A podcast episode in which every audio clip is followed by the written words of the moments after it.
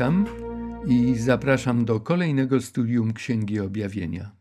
Proponuję, byśmy na początku w modlitwie wznieśli nasze myśli i serca ku Bogu.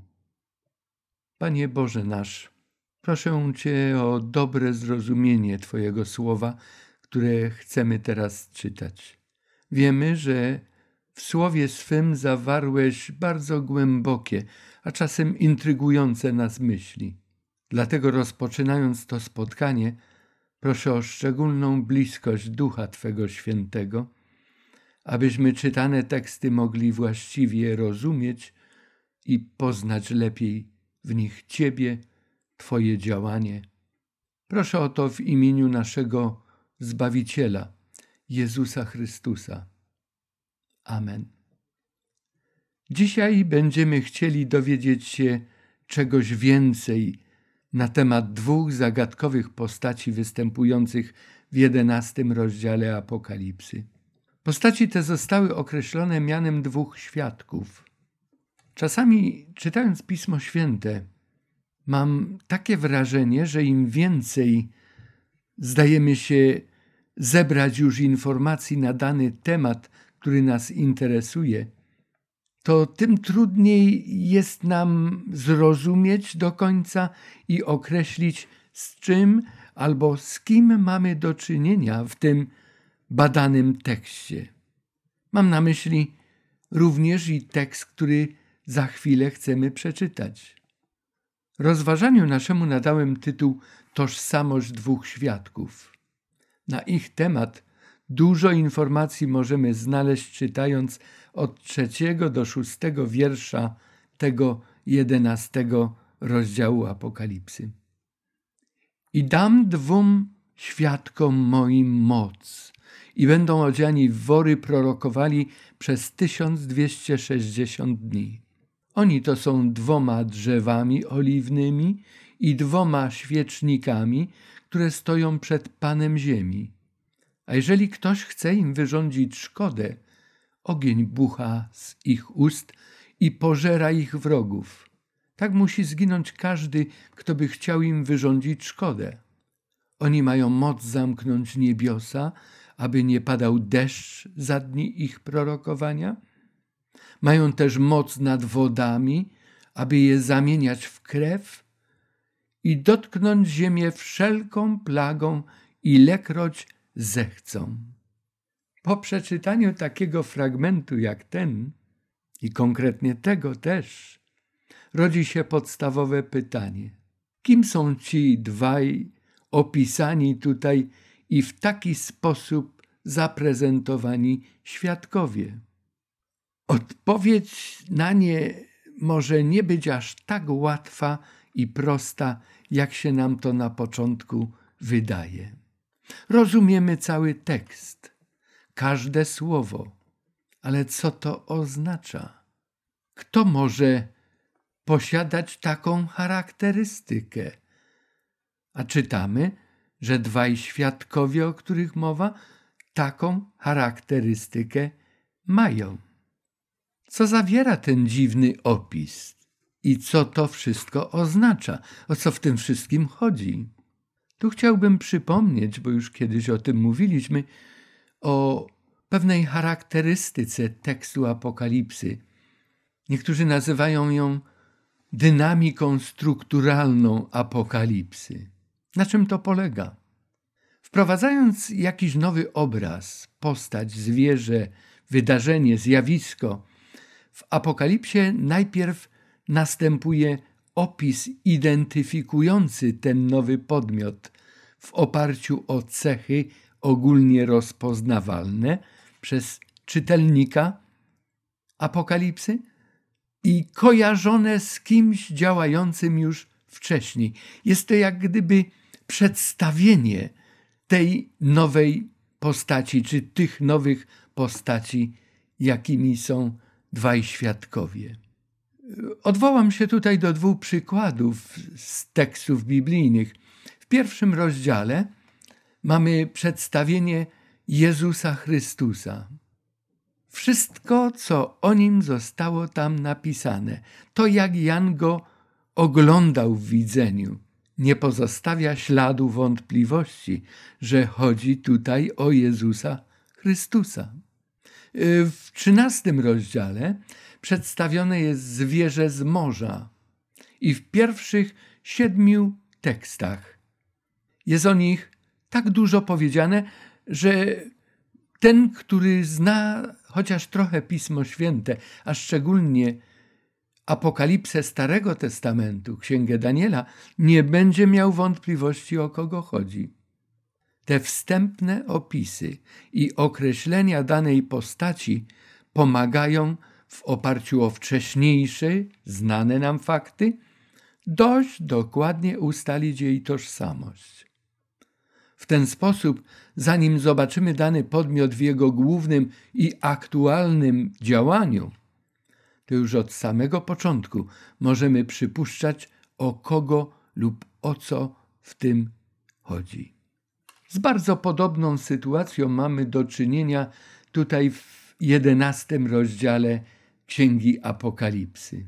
Tutaj po identyfikacji dwóch świadków, jedenasty rozdział, wiersze trzeci do szóstego, w kolejnych tekstach spotykamy się z nawiązaniem do ich wcześniejszych działań, jeszcze w okresie, kiedy wypełniały się proroctwa przekazane, pozostawione nam przez proroka Daniela w tej apokalipsie Starego Testamentu. Lecz to będzie przedmiotem naszego rozważania na kolejnym już spotkaniu, nie dzisiaj. Dzisiaj chcemy zająć się charakterystyką tych dwóch świadków. W wierszu trzecim czytamy: Dam dwom moim świadkom moc i będą odziani w wory, prorokowali przez 1260 dni. Proszę zwrócić uwagę na te pogrubione nieco w druku i podkreślone miejsca w tekście biblijnym. Nimi chcemy się zajmować. I dam. Kto mówi? Kto da tym świadkom taką moc? Gdy porównamy tę wypowiedź z tekstami, któreśmy już rozważali w dziesiątym rozdziale, wiersz czwarty, ósmy i jedenasty. Tam też spotykamy się z głosem z nieba. A więc to nie jest głos anioła, tylko głos tam od tronu Bożego. E, chciałem też przypomnieć, że dziesiąty i jedenasty rozdział do wiersza trzynastego stanowią jedną wizję. Moc stojąca za tymi świadkami, za ich działaniem, to moc boska, to potęga i autorytet samego Boga. Przypomnijmy sobie, gdy Jezus Chrystus po swoim zmartwychwstaniu e, dawał swoim uczniom apostołom i naśladowcom polecenie, aby głosili Ewangelię. Pamiętacie, jak się rozpoczęła ta sentencja Jezusa Chrystusa? Dana mi jest wszelka moc na niebie i na ziemi. Dlatego idźcie i każcie Ewangelię, a ja jestem z wami po wszystkie dni, aż do skończenia świata. A więc te myśli chciałem podkreślić z tego 28 rozdziału Ewangelii Mateusza, od tekstu 18 do 20. Chrystus, który zwyciężył na krzyżu, którego ofiara została przyjęta przez niebo, przez Boga, otrzymał wszelką moc i on teraz na mocy posiadania tej władzy, tej potęgi wysyła swoich aniołów. A więc ten głos z nieba to głos samego Ojca, czy głos Jezusa Chrystusa? Tak czy inaczej, i za tym głosem kryje się autorytet i moc boska. Czytamy też, i ten podkreślony wyraz tutaj mamy, oni prorokowali, a więc zostali ci dwaj świadkowie nazwani prorokami. Wyraźnie takie sformułowanie znajdziemy w wierszu dziesiątym tego jedenastego rozdziału. Czyli oni zwiastują poselstwo Boga. Poselstwo, z którym już myśmy się zetknęli podczas naszych poprzednich spotkań. Oni także mają wypełnić to polecenie. Musisz znowu prorokować, czym kończył się rozdział dziesiąty. Jesteśmy w dalszym ciągu w tym trzecim wierszu jedenastego rozdziału i zajmujemy się pozostałymi częściami tego tekstu. Oni są odziani w wory, ubrani w wory, inaczej mówiąc. Wór był zawsze oznaką żałoby, bólu, trudności, goryczy, cierpienia, cierpienia nawet z narażeniem życia. W Apokalipsie też jest zwrócona uwaga na czas działania tych dwóch świadków. I tutaj w jedenastym rozdziale, w wierszu drugim i trzecim, znajdują się dwa określenia tego samego czasu. 42 miesiące i 1260 dni. Jest to w zasadzie jeden i ten sam okres, tylko dwie różne nazwy funkcjonują na jego oznaczenie.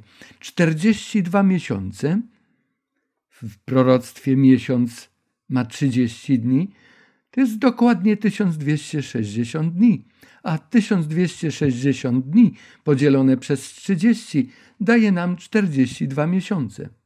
I właśnie gdy chodzi o działanie wrogów Boga, i to Apokalipsa wyodrębnia, ten okres będzie nazywał się 42 miesiące. Tak jest w tym drugim wierszu 11 rozdziału i w 13 rozdziale wierszu 5. Tutaj, jeżeli chodzi o 1260 dni, co występuje w wierszu trzecim tego 11 rozdziału, mamy go na ekranie, a także w 12 rozdziale i wierszu szóstym, takie określenie tego czasu zawsze odnotowywane jest czy podawane jest, gdy chodzi o losy ludu Bożego, działanie ludu Bożego. Wierni dwaj świadkowie działają na rzecz prawdy, wykonują swoją pracę w okresie tych 1260 dni, podczas gdy święte miasto jest traktowane przez pogan i ten czas podany tutaj brzmi 42 miesiące. A więc jeszcze raz wróćmy. Gdy chodzi o działanie sił wrogich Bogu i Ewangelii, mamy do czynienia z określeniem 42 miesiące, a jeżeli chodzi o działanie i losy Bo Bożego ludu, to jest 1260 dni. A więc wiedząc to, już czytając tekst, możemy, chociaż to nie będzie tam stwierdzone czasem bezpośrednio, wiedzieć o co chodzi, bo inne teksty nas na to naprowadzają. Te wszystkie teksty mamy tu na ekranie. Dwaj świadkowie są wiernymi sługami Boga, którzy zwiastują ludziom poselstwo Jego miłości i Jego łaski. Podana charakterystyka dwóch świadków odwołuje się do ich działania jeszcze przed wypełnieniem się proroctw Daniela dotyczących nastania czasu końca. Skąd o tym wiemy? Skąd możemy wysnuć taki wniosek? Anioł z otwartą książeczką, o czym czytamy w dziesiątym rozdziale i wierszu szóstym, ogłosił, że po ich wypełnieniu się, czyli po wypełnieniu proroctw Daniela, proroc dotyczących okresów czasu. A wtedy mówiliśmy wyraźnie, o które proroctwa chodzi. Że już teraz czasu nie będzie, inaczej nie będzie czasu proroczego, który by wyznaczał pewne okresy, jak to było w tej otworzonej książeczce, czyli odpieczętowanej księdze Daniela. Tak więc opis z jedenastego rozdziału, wierszy od trzeciego do szóstego, dotyczy czasu tratowania świętego miasta jeszcze w czasie wypełniania się proroctw z księgi Daniela. Te proroctwa zawarte są w siódmym, ósmym, dziewiątym, jedenastym i dwunastym tamtej starotestamentowej apokalipsy. Bo to one, te okresy czasu zapowiadały dominację mocy wrogich wobec Boga, dominację nad Jego ludem. W Apokalipsie jest to oddane słowem tratowanie świętego miasta. Do tej myśli jeszcze wrócimy krótko, nieco później. To na bazie opisu wcześniejszej działalności dwóch świadków dowiadujemy się, kim oni tak naprawdę są. Ten opis informuje nas, kim są świadkowie i jaką jeszcze rolę mają do spełnienia w czasie trąbienia szóstego anioła. Działalność dwóch świadków, którą oni mają realizować w czasie trąbienia szóstego anioła, została opisana w dalszych tekstach jedenastego rozdziału, czyli od wiersza siódmego do trzynastego. I na następnym spotkaniu te teksty będą przedmiotem naszego rozważania. Na czym opiera się ta instytucja dwóch świadków? Starotestamentowym tłem dla tej instytucji dwóch świadków jest tekst z Księgi Powtórzonego Prawa z 19 rozdziału wiersza 15. Ta instytucja została ogłoszona i zalecona do posługiwania się tymi, takimi świadkami w sądownictwie izraelskim. Niech nie występuje tylko jeden świadek przeciwko komukolwiek w sprawie wszelkiego przewinienia i grzechów, jakie tamten popełnił. Na podstawie zeznania dwóch świadków lub na podstawie zeznania trzech świadków rozstrzygnie się sprawę. A więc zanim zapadał jakiś wyrok, jakaś wiążąca decyzja, wszystko to musiało być najpierw przedłożone, zaświadczone, rozpatrzone, a zaświadczyć to musiało zgodnie przynajmniej dwóch świadków. Oto jak ważne jest świadectwo owych dwóch świadków Boga, o którym czytamy tu w jedenastym rozdziale. Ci świadkowie mają dowieść prawdziwości miłości Boga, prawdziwości i wspaniałości Jego łaski. Ich zgodne świadectwo wobec mieszkańców ziemi i całego wszechświata jest prawdziwe, wiarygodne, pewne i wiążące. Dlaczego? Bo jest oparte na ich osobistym doświadczeniu z Bogiem. Tak samo jest z przekazem Ewangelii.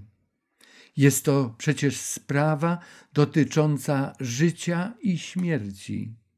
I to nie tylko doczesnej, biologicznej, ale wiecznej. Odrzucenie ofiary Jezusa pozostawia człowieka samego sobie, skazanego na zagładę. Przyjęcie łaski Boga niesie dar życia, życia wiecznego. Zwiastunowie Ewangelii najpierw sami poznają jej wartość. Ten smak miodu i gorycz piołunu, jak to zaświadczył również i Jan. Dlatego mogą też zaświadczyć o tym, co mówią. Oni to przeżyli z Bogiem.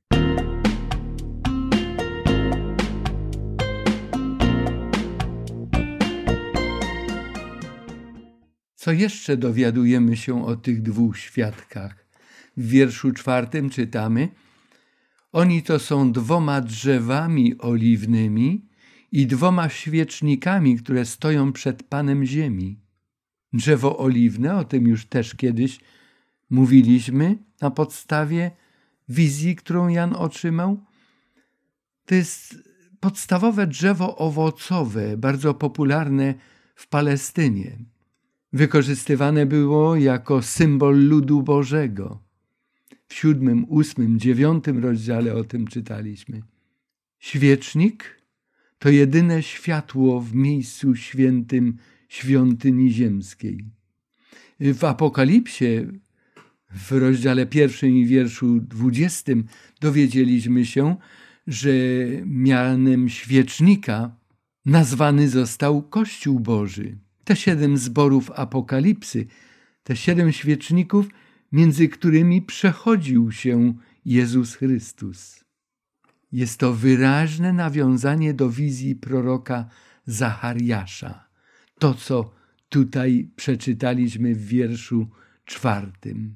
Oni są dwoma drzewami oliwnymi i dwoma świecznikami, które stoją przed Panem ziemi. Nawiązanie do wizji proroka Zachariasza nie jest czymś przypadkowym. Zwróćmy uwagę na ten czwarty rozdział proroka Zachariasza. I zapytał mnie, co widzisz? I odpowiedział, widzę, oto jest świecznik. A dalej, dwa drzewa oliwne stoją obok niego, jedno z prawej strony czaszy, a drugie z jej lewej strony. Wtedy odpowiedział, mówiąc do mnie, takie jest słowo Pana do Zorobabela, nie dzięki mocy, ani dzięki sile, lecz dzięki mojemu duchowi to się stanie, mówi Pan zastępów. Wizja ta miała miejsce w czasie, kiedy to Zorobabel, wspomniany tutaj w piątym wierszu, po niewoli babilońskiej działał wśród narodu izraelskiego, pracował też przy odbudowie świątyni. Miało to ścisły związek z odbudową prawdy o zbawieniu po niewoli babilońskiej, prawdy, której uczyła świątynia. Prawdy o zbawieniu jedynie poprzez krew baranka. Wiemy, że tym prawdziwym barankiem Bożym, to wiemy już z Nowego Testamentu, jest Jezus Chrystus. Świątynia uczyła również o Jego wstawienniczej służbie już w niebiańskiej świątyni, a także o roli Ducha Świętego w życiu i służbie ludzi, którzy zaangażowani są w Bożej misji tutaj na tej ziemi.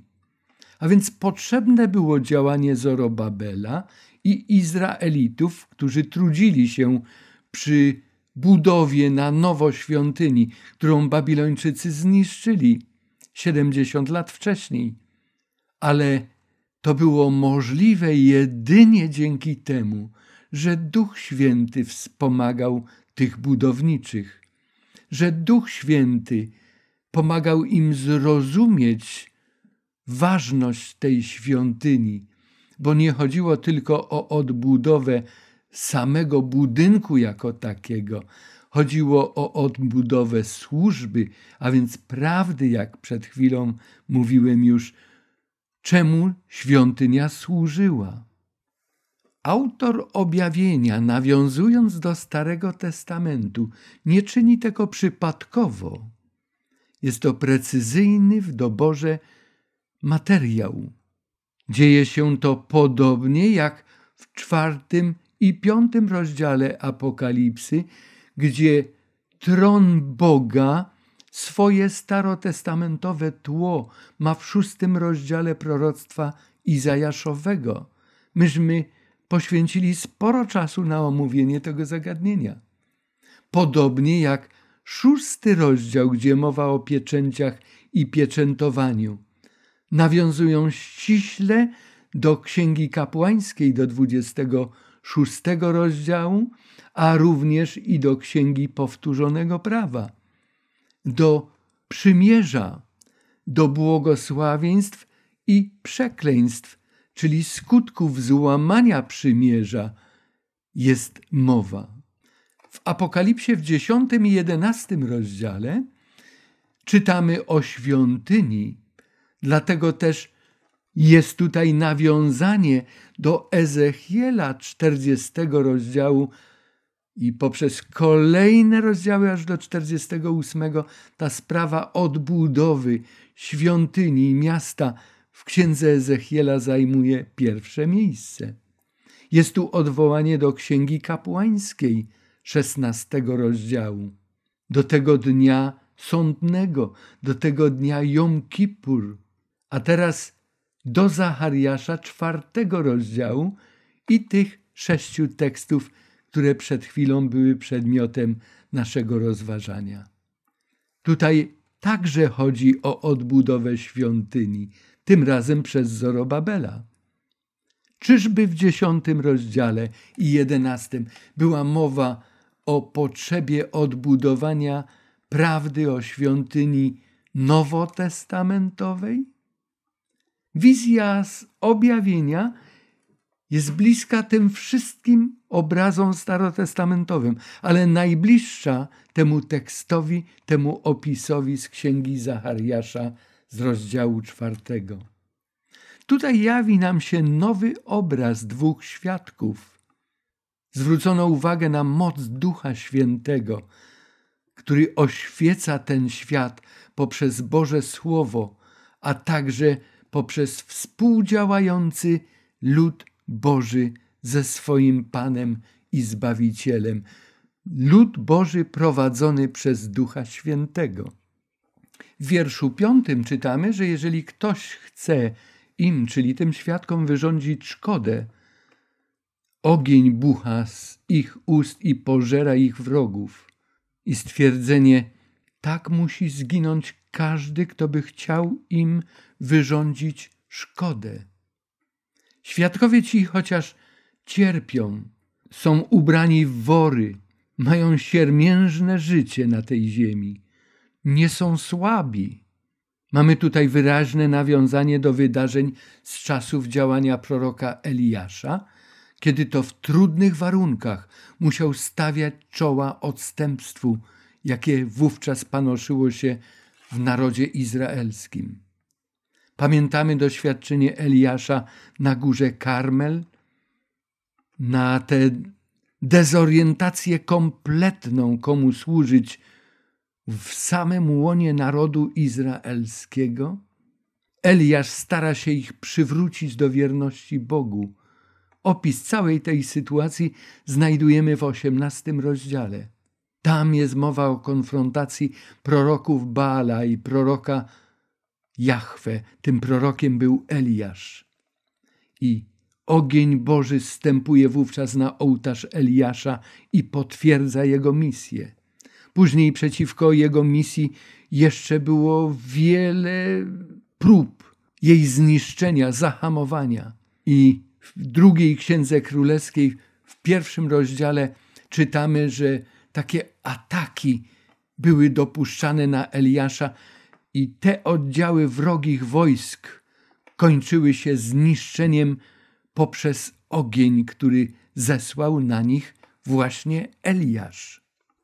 W wierszu szóstym czytamy, że oni mają moc zamknąć niebiosa, aby nie padał deszcz za dni ich prorokowania. Mają też moc nad wodami, by je zamieniać w krew i dotknąć ziemię wszelką plagą, ilekroć zechcą. A więc w wierszu piątym mieliśmy nawiązanie do Eliasza. Tutaj również na nowo niewymieniony z imienia pojawia nam się Eliasz w tle, jak echo starotestamentowe. To w czasach Eliasza była ta susza trzy i półletnia. Była ona efektem grzechu i duchowej posłuchy w Izraelu. Popatrzmy, jakie sprzężenie następowało, gdy naród izraelski był wyjałowiony pod względem duchowym. To zachowanie przyrody przypominało im o tym i miało na celu przywrócić ich z powrotem do Boga. I Eliasz był tym, który pośredniczył między Bogiem i narodem. I znowu mamy podane teksty tutaj z pierwszej królewskiej, 17 rozdział, i Chrystus to wspomina, to odstępstwo narodu izraelskiego i samego Eliasza. Możemy o tym przeczytać w Łukaszu w czwartym rozdziale w Ewangelii Łukasza. Dalej jest powiedziane, że ci świadkowie zamieniają wodę w krew. Tu jest nawiązanie bardzo mocne do zachowania Mojżesza przed wyprowadzeniem Izraela z niewoli egipskiej. To była pierwsza plaga w Egipcie. I dalej mają moc dotknąć ziemię wszelką plagą, ilekroć zechcą. Kolejne plagi, a było ich w Egipcie dziesięć, również mają ścisły związek z Mojżeszem. Ale te wszystkie plagi, to ta zamiana wody w krew, ta posłucha w Izraelu, to wszystko miało swój początek w niewierności i w odstępstwie narodu Bożego od Boga.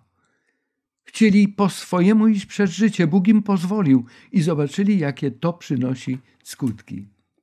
Ci dwaj świadkowie działają w podobny sposób, jak działali Mojżesz i Eliasz. I niektórzy mówią, a więc już wiemy, ci dwaj świadkowie to Mojżesz i Eliasz. Tym bardziej, że w Piśmie Świętym mamy obietnicę, że przed powtórnym przyjściem Jezusa Chrystusa przyjdzie Eliasz. Ale to nie wszystko. Ci dwaj mężowie Boży mają wiele podobnych do siebie doświadczeń, chociaż nie żyli w tym samym czasie.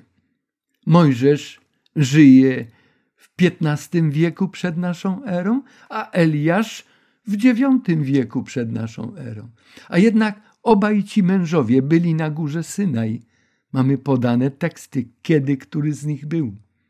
Razem też spotkali się z Jezusem na górze przemienienia. Eliasz miał się znowu pojawić i działać przed przyjściem Pana, i to zarówno przed przyjściem Jezusa jako Mesjasza i przed Jego powrotem. Księga Malachiasza nas o tym informuje. Jak Eliasz i Mojżesz działali w swoich czasach, tak dwaj świadkowie działają w czasach końca historii tej ziemi.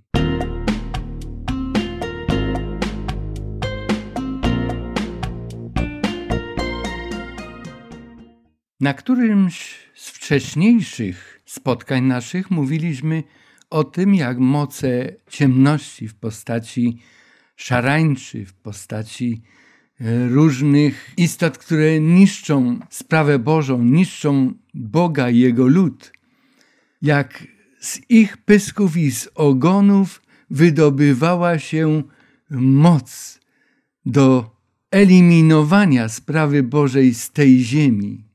Zwróćmy uwagę na szczególną reakcję Boga na taktykę mocy ciemności. Kimkolwiek są ci dwaj świadkowie, to stanowią oni przeciwieństwo tych pysków i ogonów z dziewiątego rozdziału wiersza dziewiętnastego mocy sił przeciwnych Bogu, działających także w czasie końca. Na te dwa sposoby działania wroga Bóg odpowiada działaniem dwóch świadków, podobnych w zachowaniu, jak stwierdziliśmy, do Mojżesza i Eliasza. Taki model działania spotykamy jeszcze w kilku innych sytuacjach opisanych w Księdze Objawienia. Popatrzmy, szatan wystawił tę liczbę 200 milionów swoich wojowników, swoich idealistów, aby zniszczyć chrześcijaństwo. Bóg przeciwstawia im 144 tysiące wiernych swoich sług, zapieczętowanych. Diabeł stara się upodobnić do Boga w swojej walce nawet. Tworzy fałszywą trójcę. Będziemy o tym szerzej mówić na jednym z naszych spotkań. Dlaczego? Bo istnieje prawdziwa trójca, Ojciec, Syn i Duch Święty. I widzieliśmy te trzy istoty w czwartym i piątym rozdziale Księgi Apokalipsy. Trzech aniołów bożych występuje w Bożym dziele zbawienia ludzkości. Szatan trzy nieczyste duchy zmobilizuje, aby sprowadzić wszystkich królów na wojnę z Bogiem, na walkę. Babilon to jest stolica sił ciemności, przeciwstawienie Jerozolimy, miasta Boga. Nierządnica z 17 rozdziału jest przeciwieństwem oblubienicy Chrystusa z rozdziału 12. W objawieniu napotykamy jeszcze inne podobne przeciwieństwa. Dostrzegamy jednak bardzo wyraźnie, że cokolwiek czyni Bóg, smok dążąc do zatarcia wyrazistości obrazu charakterów tych dwóch walczących sił, poprzez upodabnianie się i swoich poczynań do działania Boga, stara się zwieść mieszkańców tej ziemi, aby razem z nim przeciwdziałali Bogu i jego ludowi. Ale wróćmy do tego pytania. Kim są ci dwaj świadkowie? Wśród biblistów i interpretatorów wizji apokaliptycznych przeważają w tym względzie dwa zrozumienia. Jedno to to, że Biblia, Stary i Nowy Testament to są ci dwaj świadkowie. Stary Testament zawierał też dwie główne części: prawo i reprezentantem prawa był Mojżesz. Ilekroć imię Mojżesza było wspomniane, wiedziano, że to jest prawodawca, aczkolwiek prawodawcą był sam Bóg. Mojżesz był tylko pośrednikiem. Gdy mówiono o prorokach, wspominano Eliasza. Co więcej, starotestamentowe pisma święte świadczyły o Mesjaszu. I to zarówno w proroctwie, tu mamy tekst z Izajasza 9 rozdziału wiersza 5, gdzie jest mowa o narodzeniu Jezusa Chrystusa jako Mesjasza i sam Zbawiciel nasz, będąc na tej ziemi, powiedział, że pisma, a wtedy istniały tylko pisma święte Starego Testamentu, świadectwo wydają o nim, o jego działalności. W Nowym Testamencie także istnieje podział na Słowo Boże, czyli Pisma Święte, i wtedy, gdy Biblia mówi o tych pismach świętych, odnosi się to do Starego Testamentu, i na świadectwo Jezusa. Apokalipsa jest takim przykładem, ale nie tylko. Ewangelie, te miejsca w listach apostolskich, które nawiązują do Ewangelii, a wszystkie nawiązują. Chodzi o dwuetapowe objawienie poprzez proroków starotestamentowych i bezpośrednio przez Mesjasza w Testamencie Nowym. Gdybyśmy tę cechę charakterystyczną dwóch świadków chcieli przyrównać do Pisma Świętego, to zwróćmy uwagę, że świecznik przypomina działanie Ducha Świętego. Tu znowu wracamy do tekstu z Zachariasza. Duch Święty inspirował też pisarzy i Starego i Nowego Testamentu oraz zaświadcza o Jezusie jako wiernym świadku. W Apokalipsie w trzecim rozdziale w poselstwie do Laodycei mamy to określenie Jezusa. Jezus jest też nazwany Słowem Bożym. To jest dziewiętnasty rozdział Apokalipsy. Jeżeli chodzi o plagi, tę charakterystykę dwóch świadków to Pismo Święte wyraźnie o tym mówi, zarówno w Starym Testamencie, jak i w Nowym, że odrzucenie Słowa Bożego powoduje plagi. Tak było w Starym Testamencie w przypadku faraona i Mojżesza. Gdy czytamy Apokalipsę, samą końcówkę tej księgi, to dowiadujemy się, że jeżeli ktoś by dodał cokolwiek do tego tekstu, to Bóg mu doda plag. Ogień już prorok Jeremiasz przyrównywał Słowo Boże do ognia. Mamy to w dwudziestym rozdziale tego proroka zaznaczone. Jak widzimy, Pismo Święte może spełniać i spełnia funkcję dwóch świadków. Słowo Boże ukazane w tym symbolu wykonuje swoją misję wobec tego świata. Przedstawiana jest też druga opcja, kim są ci dwaj świadkowie. Że Ci dwaj świadkowie to Kościół Boży, Boga, to świątynia, bo Kościół Boga nazywany jest w Piśmie Świętym świątynią. W jedenastym rozdziale Apokalipsy jest mowa o świątyni, o potrzebie jej zmierzenia, o potrzebie zrozumienia jej i odnowy, o tym już mówiliśmy przed chwilą. Świątynia to często nowotestamentowe określenie Kościoła Bożego. A kto stanowi Kościół Boży?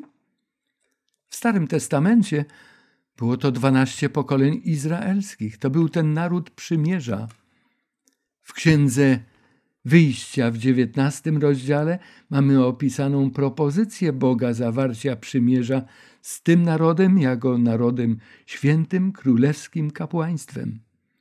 W Nowym Testamencie, zgodnie z pierwszym listem Piotra, drugim rozdziałem i wierszem dziewiątym, a również listem do Efezjan, drugi rozdział, wiersz dwudziesty, to są tylko teksty jedne z wielu.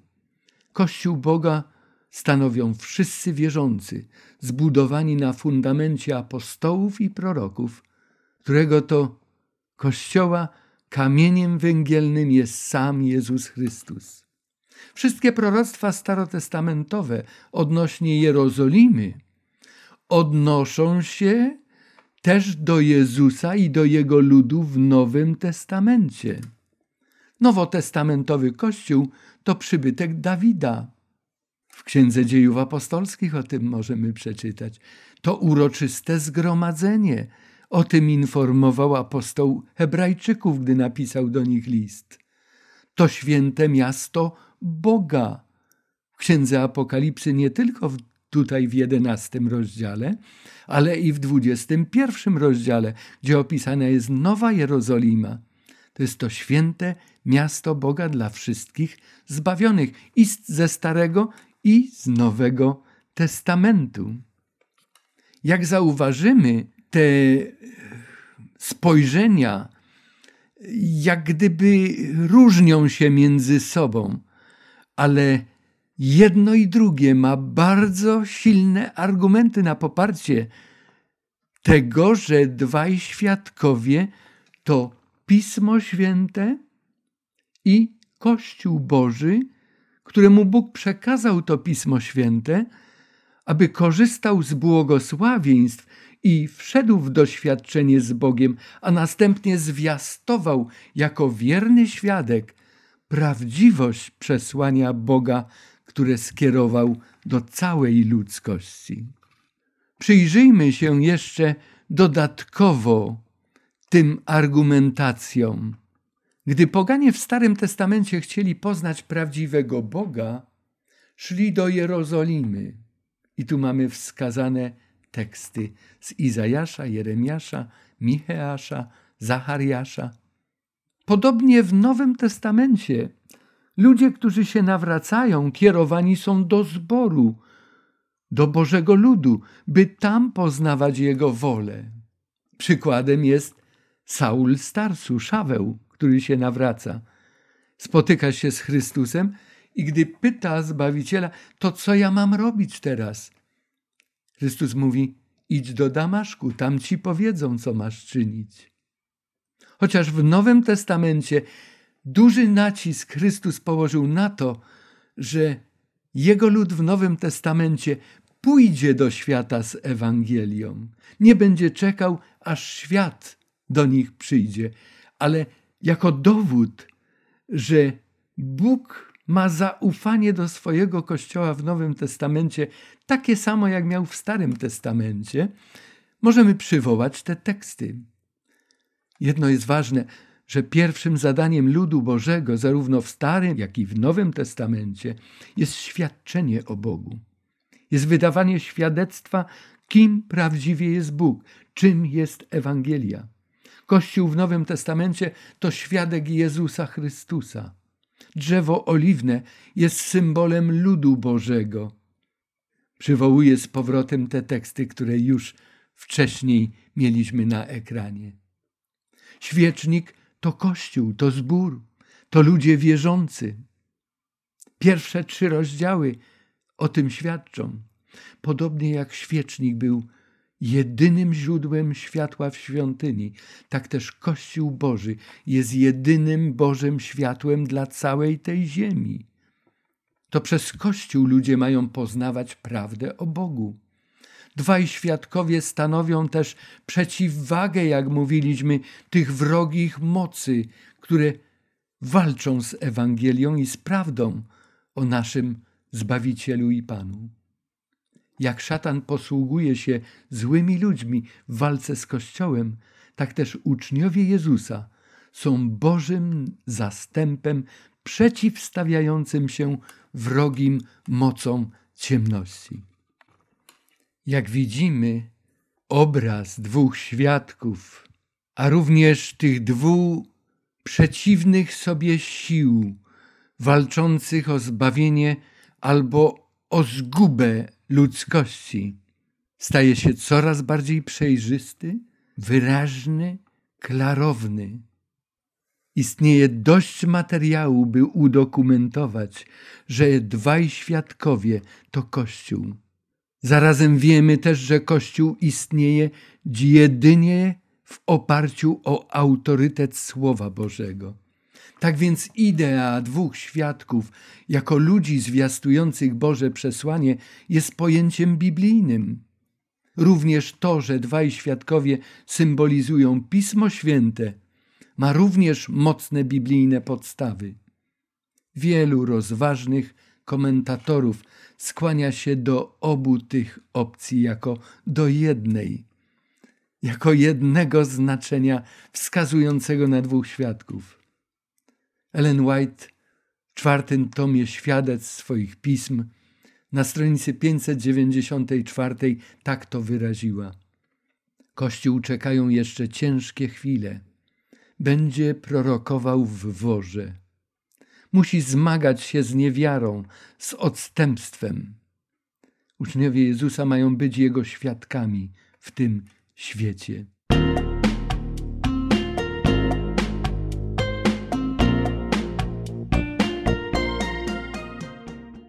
Bóg obdarował każdego człowieka wolną wolą i posługując się nią, możemy przyjąć jakąkolwiek postawę, podjąć jakąkolwiek decyzję za lub przeciwko Bogu.